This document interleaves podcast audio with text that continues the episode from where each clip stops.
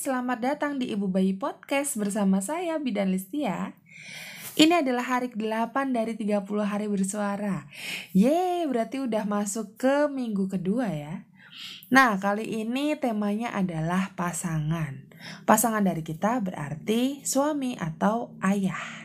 Nah, suami adalah makhluk yang sangat rasional, ya nggak? Pria itu makhluk yang sangat rasional. Jadi, karena dia rasional, janin itu dianggap sebagai makhluk yang gerakannya cuma endang aja gitu ya. Masa sih bisa dengerin suara kita gitu ya? nah, kemarin kita sudah membahas tentang pendekatan dengan janin. Kali ini kita akan membahas tentang kedekatan antara ayah dengan janin. Seperti yang kita tahu, janin bisa mendengar suara dari luar rahim dimulai saat usia kehamilan 23 minggu. Dan tahu nggak sih, yang mudah untuk didengar oleh janin saat pertama kali dia bisa mendengar suara luar adalah suara dengan low pitch. Di mana suara dengan low pitch adalah suara pria. Hmm, suara yang ngebas dalam gitu ya.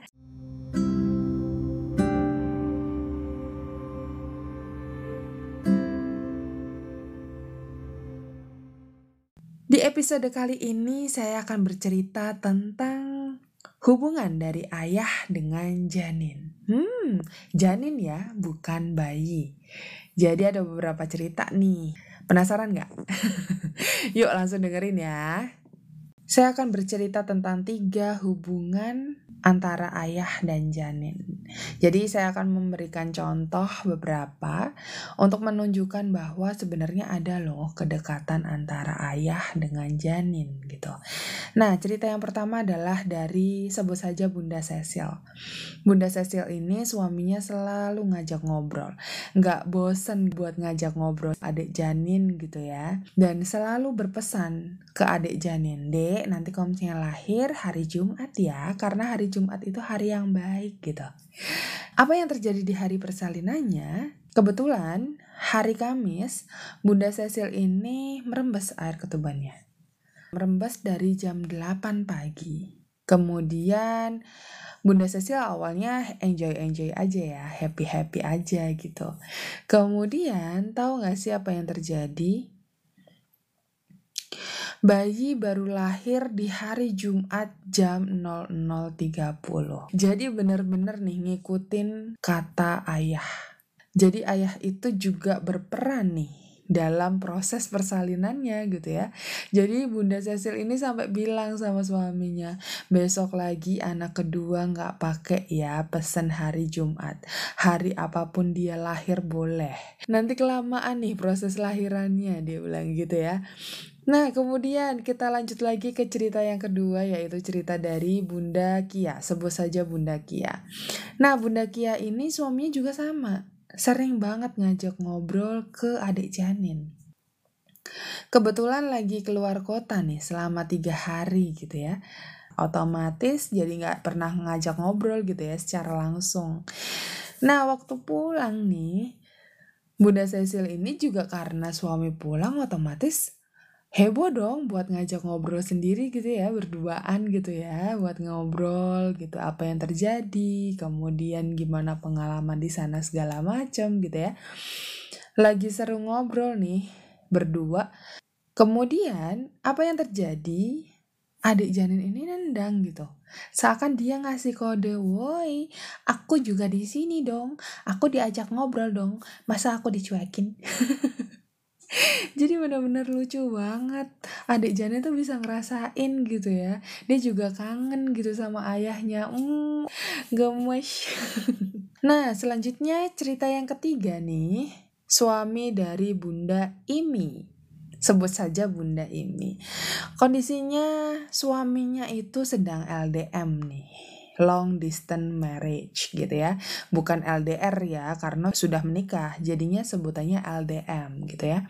Nah suami dari Bunda Imi ini termasuk pria yang nggak pernah ngajak ngobrol gitu kan. Apalagi ketemu gitu jarang banget dan ketemunya itu paling seminggu sekali atau bahkan dua minggu sekali gitu. Jadi jarang banget untuk ngajak ngobrol ke adik janin gitu kan. Nah lucunya nih setiap kali pulang, apa respon dari adik janin? Adik janin ini seakan tuh tahu kalau sebelahnya tuh lagi ada ayahnya gitu. Adik janin ini setiap kali dia gerak, kalau misalnya ayahnya itu ada di sebelahnya, langsung tiba-tiba diem. Bener-bener kayak matung aja, dia nggak mau ngapa-ngapain gitu.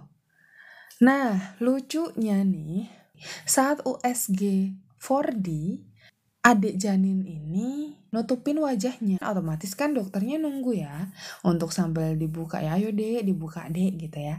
Udah sekitar 10 menit gitu kan, nggak buka-buka nih gitu ya. 10 menit kan kelihatannya sebentar ya, tapi kalau misalnya nungguin itu kan lama ya rasanya. Kemudian dokternya tuh bilang, um, biasanya gimana bu biar mau buka nih, biar mau gerak gitu kan. Terus Bunda Imi bilang, um, biasanya kalau nggak ada ayahnya, adiknya mau gerak dok, dia bilang gitu kan. Dan apa yang terjadi? Ayahnya dengan tanpa mengurangi rasa hormat, sang ayah dipersilahkan untuk keluar. Kemudian setelah ayahnya keluar, adik janin langsung gerak. adik janin langsung gerak, langsung buka mukanya gitu ya. Walaupun cuma sebentar aja, habis itu dia tutup lagi. Tapi di situ dapat kita lihat bahwa adik janin juga bisa merasakan keberadaan kita. Bener nggak? Ya kan? Seorang ayah juga bisa dirasain loh kehadirannya gitu. Terus gimana sih kalau misalnya LDM sebaiknya apa yang harus dilakukan. Nah sekarang itu kan gampang banget ya untuk um, media komunikasi gitu ya. Ada video call, kemudian uh, telepon juga mudah aksesnya. Saya sarankan untuk tetap video call setiap hari, untuk tetap mengajak ngobrol setiap hari walaupun jaraknya jauh. Bu Bidan, suami itu ada di hutan dan akses untuk internet itu susah banget. Terus sebaiknya gimana? Nah, kalau saya nyaraninnya adalah coba rekam suaranya, kemudian kirim. Setiap kali nemu sinyal langsung kirim voice note. Semudah itu. Jadi nggak ada alasan lagi buat tidak menyapa adik. Jadi si voice note itu bisa nih diputar berulang-ulang. Seru ya. Jadi biar adik ini terbiasa untuk mendengar suara ayahnya. Terbiasa untuk disapa nih sama ayahnya. Jadi gimana? Bunda dan ayah mau jadi orang tua yang mana nih? Yang ngajak ngobrol adik janin atau yang enggak. Sekali lagi, janin adalah makhluk hidup yang sangat bisa diajak komunikasi dan bisa diajak kerjasama. Dia bisa merasakan cinta kasih dari kedua orang tuanya sejak di dalam kandungan. Yuk tunjukin itu ya dari sekarang.